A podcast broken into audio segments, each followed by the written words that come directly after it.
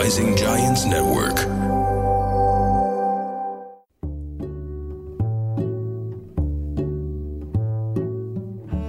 مرحبا حلقة جديدة من بودكاست أحاديث بتشبهنا بقدم لكم إياها أنا دانا أبو لبن ويا الله شو اشتقت أحكي هالجملة. بعرف إني طولت الغيبة وكانت صعبة علي كتير. ما في يوم كان يمرق إلا وبفكر بضيف معين أو فكرة معينة أو قصة بتستحق إنها تنطرح وأضيفها على القائمة. أو بتذكر كتاب أو فيلم أو موضوع وبقول يلا لما يرجع البودكاست أكيد رح أحكي عن هذا الموضوع. وأخيرا رجع بودكاست أحاديث بتشبهنا وبهالحلقة.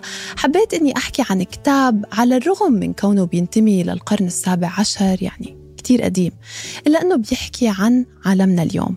ويمكن نلاقي فيه إجابات عن أسئلة كتير بتدور ببالنا عن طبيعة النفس البشرية عن حالنا وعن الناس اللي حوالينا. عم بحكي عن رواية أو رائعة ديستويوفسكي الجريمة والعقاب. ليش عم نحكي عن الجريمة والعقاب اليوم؟ عم نعيش اليوم بعالم كل يوم آلام جديدة. منشوف بنشرات الأخبار قسوة البشر وظلمهم. منشوف القتل بدم بارد مش فقط بالأفلام لكن لنساء ورجال وأطفال مرات باسم الأمن مرات باسم الحرب باسم الشرف وبأسماء تانية كتير.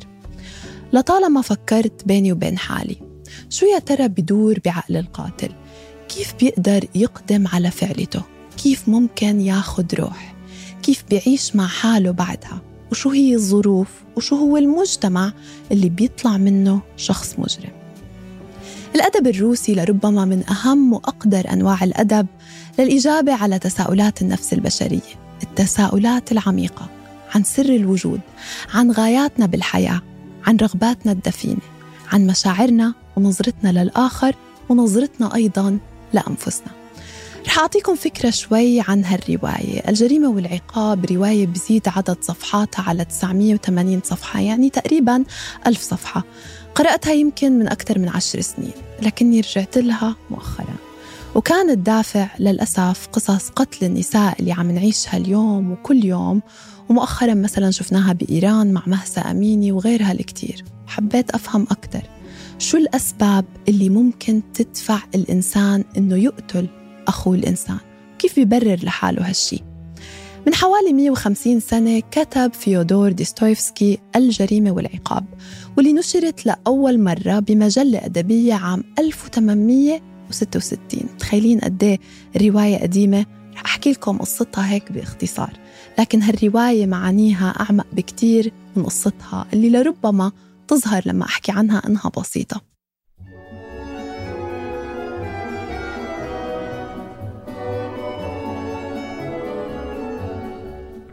هالرواية بتحكي قصة اجتماعية نفسية فلسفية. بطلها هو شخص اسمه روديون راسكولنيكوف وأي حدا بيقرأ أدب روسي بيعرف إنه من أصعب الأشياء إنك تقدر تلفظ أو تتذكر حتى آه، الأسماء أسماء الشخصيات الرئيسية. رح نسميه راسكولنيكوف باسمه الأخير لحتى نسهل حديثنا من هون لبعدين. بيكون طالب حقوق بعيش بسانت بيتر بيترسبرغ بروسيا.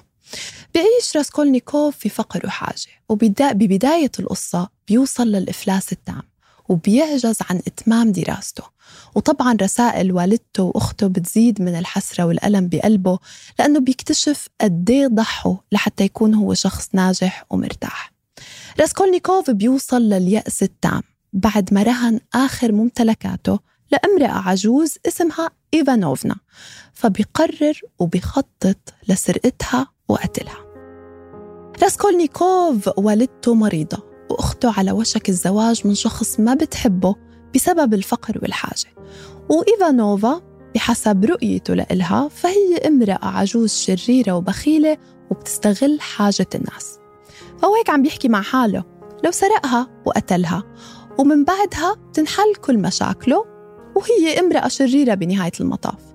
فلو سرق هالمرأة وقتلها بيقدر يعالج والدته. أخته ما رح تضطر تعيش مع رجل آه، ما بتحبه وتعيش زواج تعيس. وبيقدر هو أيضا يكمل تعليمه لأنه مثل ما خبرتكم بيكون هو طالب محاماة. ولكن بسبب الفقر بقرر أو بيضطر أنه يوقف دراسته. وبصير هو محامي. يبدو أنه المخطط ممتاز. وبالفعل نفذ راسكولنيكوف مخططه وقتل العجوز واضطر حتى أنه يقتل أختها لحتى ما تنكشف جريمته لأنها دخلت على البيت آه، وفاجأته فقتلها. لكنه ما كان مستعد أبدا للعواقب.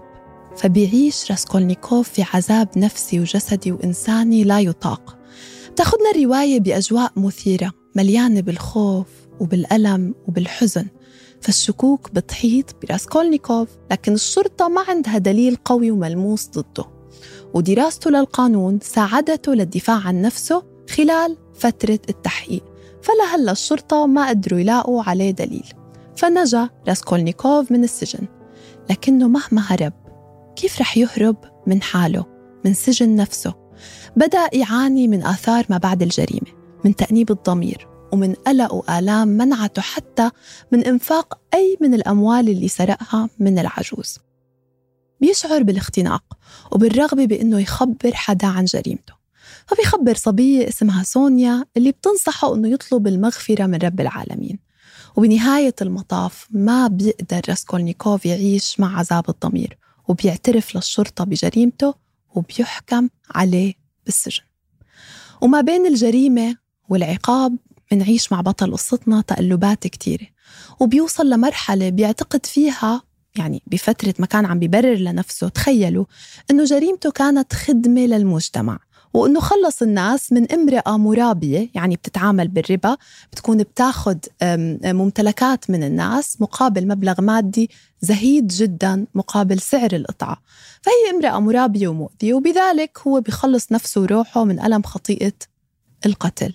تخيلوا مش بس عم بيبرر الجريمة ولكن أيضا بيوصل لمرحلة إنه جريمته هي خدمة للبشرية فهل الغاية ممكن تبرر الوسيلة؟ من أكثر الأسئلة الفلسفية اللي بنسمعها بحياتنا هل في شيء ممكن يبرر القتل؟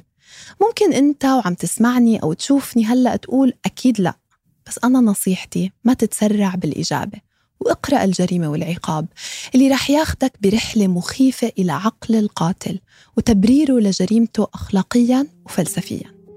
صراع راسكولنيكوف رجعني لكتير من جرائم اللا شرف بمجتمعاتنا وبالعالم وتذكرت تبريرات القتلة والأشخاص اللي بيدعموهم. فالقاتل لو تلاحظوا لازم يجرد الضحية من إنسانيتها ومن أحقيتها في الحياة وأيضا لازم يحول قتلها إلى فعل له أثر إيجابي. فبرحيلها مثلا بيرحل الشر أو العار أو الأذى. لكن القاتل لو أفلت من الشرطة أو السجن ما رح يفلت من سجن نفسه. المجرم رح يشعر دائما أنه كل عيون الناس بتلاحقه وأنه كلهم بيعرفوا بجريمته. الرواية بتحكي أيضا بشكل جميل جدا ومؤثر عن فكرة الخلاص والغفران وعلاقتنا نحن البشر بربنا وعن العدالة الإلهية. وكيف بتتحقق؟ وكيف نحن أحيانا كثيرة بنكون بسجن نفسنا بدون ما نحس؟ تطرح الجريمة والعقاب تساؤلات وأفكار جدا عميقة أخذتني هيك بعالم مختلف. مثلا فكرة الطيبة. الأشخاص الطيبين كتير. كتير منهم ممكن ما يكونوا طيبين بالفعل لكنهم فقط بيخشوا من عواقب فعل الشيء اللي بيتمنوه. وما بعرف إذا حضرتوا من قبل فيلم اسمه The Purge. ب The Purge بينعطوا الأشخاص ببلدة معينة فرصة 24 ساعة أو يوم كامل إنهم يرتكبوا أي جريمة بدون وجود أي عواقب. وفعلا بعد إزالة كل العواقب المحتملة لخطيئة القتل أو الأذى كثير من الناس بيفقدوا قيمهم الإنسانية والأخلاقية. وبذلك حتى الأخلاق صارت مفهوم غامض وبتختلف أيضا ترجمته ومعناه وبتتغير مع تغير الأشخاص والمجتمعات وحتى المواقف. فنفس الأشخاص اللي ممكن يدينوا أو الشخص اللي ممكن يدين قتل امرأة ممكن إذا سمع تبرير مرتبط بسلوكها أو ملابسها أو علاقاتها يلاقي مبرر لقتلها. وأيضا من الأمور المهمة اللي بتطرحها الرواية أثر البيئة والمجتمع على تكوين الإنسان. فبيئتك ممكن تساعدك إنك تكون شخص طيب بس ممكن كتير تساهم بتحويلك لمجرم. يمكن فكرة صعب إنه نحن نتقبلها كبشر لكن كل حدا فينا فيه الخير والشر. وهذا الشيء مش مجرد فكرة فلسفية بعيدة لكن فعلا لما تفكر بيننا وبين حالنا فكر بهذا الشخص اللي أذاك بالشغل فكر بهذا الشخص اللي أذاك لربما بعلاقة. ما خطر ببالك ولو لمرة فكرة شريرة بتتعلق فيه. هذا الكتاب خلاني أرجع لكثير من المواقف الإنسانية بحياتي وأفكر فيها لما أنا أساعد شخص أو أقدم مساعدة لشخص. شو هي دوافعي الحقيقية من وراء هالمساعدة؟ هل أنا فعلا حابة إني أساعده لمجرد إنه هو يتطور أو يتحسن وضعه؟ أم إني أبحث عن مدح أو خدمة بالمقابل أو حتى ثواب من رب العالمين؟ شو هي الأفعال أفعال الخير اللي بتكون خالصة لوجه الله؟ وشو هي الأفعال اللي بنعملها مقابل شيء معين؟ وحتى الشر أو حتى التصرفات الشريرة. بكثير من الأحيان بيكون إلها دوافع دفينة مرتبطة فينا نحن ما بنعرفها. فهو رسالة لكل حدا فينا إنه نطلع جوانا قبل ما نطلع على الشر اللي بنتعرض له. شوف الشر اللي ممكن بيوم من الأيام يطلع منه جمعت بعض من الاقتباسات اللي علقت بذاكرتي من الكتاب وحبيت أشاركها معكم. إحدى الاقتباسات المهمة بتقول لابد لكل إنسان من أن يجد ولو مكان يذهب إليه لأن الإنسان تمر به لحظات لا مناص فيها من الذهاب إلى مكان ما إلى أي مكان. هل تدرك يا سيدي الكريم هل تدرك ما معنى أن لا يكون للإنسان مكان يذهب إليه؟ كانت هاي العبارة بإحدى المواقف اللي جدا مؤثرة بقصة راسكولنيكوف. لما يشعر الإنسان بضيق مش قادر يقعد مع حاله ولا عنده شخص إنه يشكي له. فقديه هذا الموقف بيكون صعب. أيضا من الاقتباسات المهمة إننا نستطيع عند اللزوم أن نخنق حتى إحساسنا الأخلاقي. إننا نستطيع عند اللزوم أن نحمل إلى السوق كل شيء فنبيعه. الحرية الطمأنينة وحتى راحة الضمير. وفعلا المواقف هي اختبار حقيقي للأشخاص وممكن شخص يوصل لمرحلة للأسف يبيع كل هالمبادئ. أيضا من الاقتباسات لقد كان على يقين من أن كل شيء يبارحه أو يتركه حتى ذاكرته وحتى أي قدرة على التفكير. فكان ذلك يعذبه عذابا لا طاقة له به. قال يسأل نفسه ماذا؟ أيكون الأمر قد بدأ منذ الآن؟ أيكون هذا هو العقاب؟ نعم هذا هو العقاب العقاب مش السجن ولا سنوات السجن ولا حتى عقوبة الإعدام اللي بيتعرض لها القاتل أو المجرم العقاب الحقيقي هو بداخل نفس الإنسان لما هو يكون عارف ومدرك جريمته ومش قادر يطلع من شعور الذنب حتى لو أفلت من القانون ما رح يفلت من حاله. لأنه نحن بنقدر نهرب من أشخاص حتى بنحبهم نقدر نهرب من العقوبة لكن هل نقدر نهرب من حالنا؟ كتير ناس حاولوا وما قدروا. أيضا من الاقتباسات اللي كثير علقت بذاكرتي ما, ما أسعد الذين لا يملكون شيئا يستحق أن يوصدوا عليه الأبواب بالأقفال. الأشخاص اللي ما عندهم أسرار ما عندهم شيء بخافوا عليه هالقد يخيل إلي أن الرجال العظماء حقا لابد أن يشعروا على هذه الأرض بحزن عظيم. فعلا. يعني هذا من أكثر الاقتباسات الحقيقية بحسها اليوم. لأنه قد ما بنشوف ظلم وما بنقدر إنه نغيره فكتير مرات بنحس بالعجز. أن يخطئ المرء في طريقه أفضل من أن يسير بشكل صحيح في طريق شخص آخر. ما نختار طريق أو حياة حدا تاني؟ نختار طريقنا نحن وحياتنا إحنا. وهذا الاقتباس جدا مهم بيقول لا يوجد شيء في العالم أصعب من الصراحة ولا شيء أسهل من الإطراء. يعني لو أنت قدمت مديح لشخص لو شو ما حكيت معلومات يمكن أو أشياء مش موجودة فيه أو بشخصيته كله بمرق لأنه مديح ورح يتقبله بابتسامة.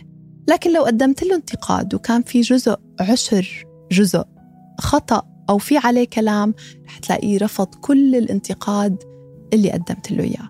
وبختم الاقتباسات بهذا الاقتباس اللي بوجهه رسالة لكل حدا وأول حدا حالي. لقد وهبت لي الحياة مرة واحدة إلى الأبد. ولن أعرف حياة أخرى. ولا أريد أن أنتظر السعادة الشاملة. أريد أن أحيا شخصيا. وإلا فالأفضل أن لا أحيا البتة. قديه سهل الكلام بس التطبيق كتير صعب. بس مرات بنكون بحاجة إنه نسمع حالنا أو نسمع هاي العبارات. الجريمة والعقاب تحولت لفيلم فنلندي عام 1998 ولمسلسل باليابان عام 2012 ولأوبرا بموسكو عام 2016 لكن بيبقى للرواية سحرها الخاص. ومثل أي كتاب أو فيلم أو عمل فني رائع ومميز ما رح تلاقي فيه إجابات واضحة جدا. لكنه بيحمل تساؤلات مهمة وبيخليك تطرح على حالك أسئلة صعبة عن إنسانيتنا وعن دوافعها. وبكل مرة بنعمل فيها خير بتخلينا نسأل حالنا شو هو الدافع الحقيقي؟ هل أنا ببحث عن مدح أو مصلحة أو حتى ثواب من الله فقط؟ أم إنه هدفي المساعدة الخالصة بالفعل؟ وبالنتيجة لما نأذي شخص شو هي الدوافع والمبررات اللي بنقدمها نحن لأنفسنا رواية بتجبرنا نواجه حالنا نواجه أنفسنا بخيرها وشرها وهي أكثر بكتير من رواية عن جريمة يعاقب المجرم فيها في نهاية المطاف. هي رواية عن كل خطيئة وكل فكرة شريرة وكل عذاب نفسي بنعيشه بالحياة. هي رواية عن سعينا الدائم للهرب من أنفسنا واللي بيفشل على الأغلب بنهاية المطاف. وصلت معكم لختام حلقة اليوم. بتمنى إنكم تقرأوا الكتاب وبتمنى إنكم تشوفوا الفيلم أو المسلسل المقتبسين عنه أو حتى شي يوم إذا كنتوا بموسكو تقدروا تحضروا الأوبرا المقتبسة عن Crime and Punishment أو الجريمة والعقاب أو تقرأوا حتى عن أفكاره وتشاركوني دائما ارائكم ودمتوا بألف خير.